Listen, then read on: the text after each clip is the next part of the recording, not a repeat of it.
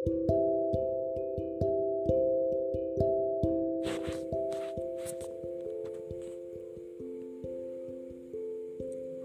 Nay. Terima kasih sudah berkenan untuk baca ceritaku. Panggil saja aku Dea. Jadi sekitar 8 tahun yang lalu Aku adalah salah satu mahasiswi keguruan di universitas ternama di Jawa Tengah Cerita berawal dari aku yang bertemu dengan seorang pria yang begitu luar biasa baiknya. Sebut saja dia Randi. Randi adalah salah satu manusia yang hadir tanpa mengetuk pintu hidupku. Tiba-tiba saja masuk tanpa permisi.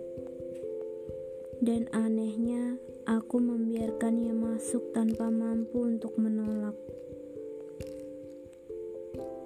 Singkat cerita, aku dan Randi memiliki hubungan. Hubungan di mana kita sama-sama percaya akan komitmen yang sudah kita bangun bersama. Aku ingat sekali kala itu. Randi selalu menyempatkan diri untuk memberi kabar walaupun hanya melalui chat. Tapi hari itu semuanya berubah. Randi menghilang hingga hampir satu bulan lamanya. Aku kecewa dengan apa yang dilakukannya setelah hubungan ini hampir satu tahun berlangsung.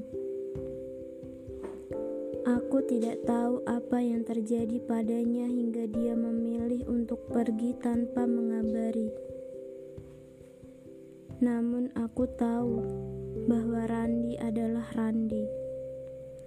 Orang yang selalu membuatku merasa senang tanpa harus merasakan kekhawatiran padanya. Orang yang selalu memberi support atas apa yang sudah kucapai dan kulakukan. Salah satu manusia yang tidak pernah rela jika air mataku turun membasahi pipi. Begitu menyayangiku melebihi sayang pada dirinya sendiri. Aku masih menunggu. Aku yakin Randi tidak akan meninggalkanku. Waktu itu, Tepat 45 hari setelah menghilangnya Randi tanpa kabar apa pun, dering HP-ku pun berbunyi. Aku dengan senang hati mengangkatnya karena nama yang tertera di layar adalah nama yang selalu kutunggu. Halo, Kak Dea ya? Iya, ini siapa? Tanyaku balik. Maaf kak, ini Cia adik kak Randy.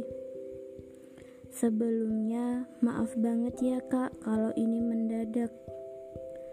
Tapi Cia mau ngabarin kalau kak Randy sudah berpulang. Wow, deg-degan. Dek, aku lemas. Jantungku seolah berhenti berdetak untuk sejenak air mataku mengalir dengan sendirinya. Hal tersakit yang pernah kurasakan kala itu, yang sampai saat ini pun belum mampu untuk kulupa. Sakit, sedih, dan kecewa masih saja hinggap hingga saat ini. Sakit karena semesta tak pernah membiarkan aku untuk siap atas kepergiannya. Sedih karena aku tidak tahu bahwasanya selama ini dia sakit. Dan dia menutupi hanya karena tidak ingin aku khawatir.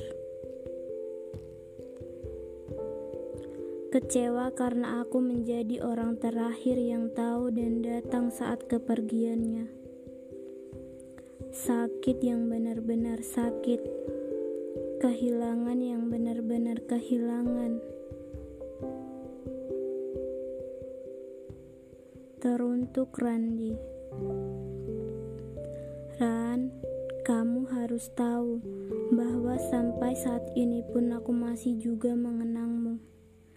Masih juga memberimu ruang di hatiku.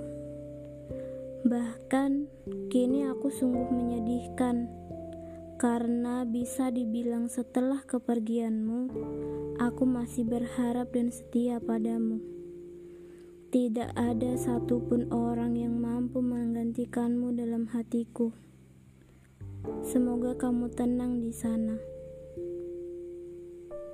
Terima kasih ya Nay sudah mau mendengarkan cerita hidup yang begitu pelik ini. Wow. Wow, aku speechless. Aku tahu banget ini pasti sakitnya double-double sih.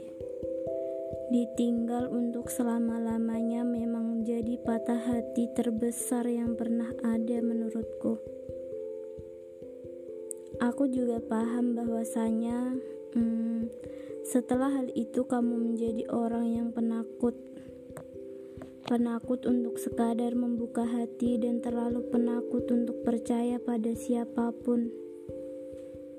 Aku paham betul karena itu wajar menurutku setelah apa yang terjadi dalam kisahmu itu. Ya karena melepaskan rasa sakit yang selama ini ada itu memang lebih sulit daripada kamu melawat luka-luka yang ada itu. Perpisahan bukan kata yang tidak mungkin ya Dea. Hmm, Dea kan tadi ya. Iya Dea, aku percaya kamu perempuan yang kuat. Rawat apa yang seharusnya dirawat dan lepaskan apa yang seharusnya dilepaskan.